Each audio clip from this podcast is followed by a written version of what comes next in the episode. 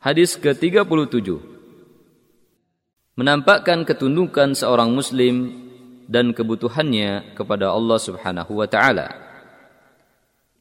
عن ابي هريره رضي الله عنه قال قال رسول الله صلى الله عليه وسلم اذا تشهد احدكم فليستعذ بالله من أربع يقول اللهم اني اعوذ بك من عذاب جهنم ومن عذاب القبر ومن فتنه المحيا والممات ومن شر فتنه المسيح الدجال Dari Abu Hurairah radhiyallahu anhu ia berkata, Rasulullah shallallahu alaihi wasallam bersabda, jika salah seorang di antara kalian melakukan tasyahud dalam salat, maka berlindunglah dari empat hal, yaitu ia mengucapkan Allahumma inni a'udzubika min azabi jahannam wa min azabil qabri wa min fitnatil mahya wal mamat wa min fitnatil masihid dajjal Ya Allah aku berlindung kepadamu dari siksa neraka jahanam dan dari siksa kubur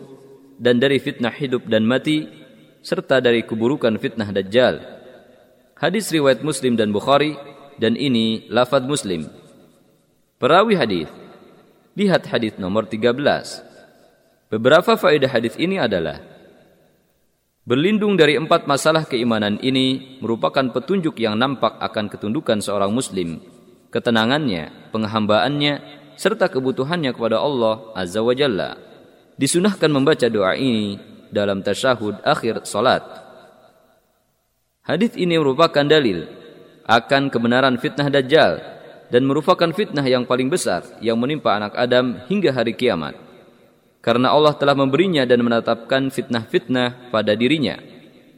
Yang dimaksud kuburan pada hakikatnya yaitu tempat ruh di alam barzakh juga diartikan sebagai tempat menimbun mayit.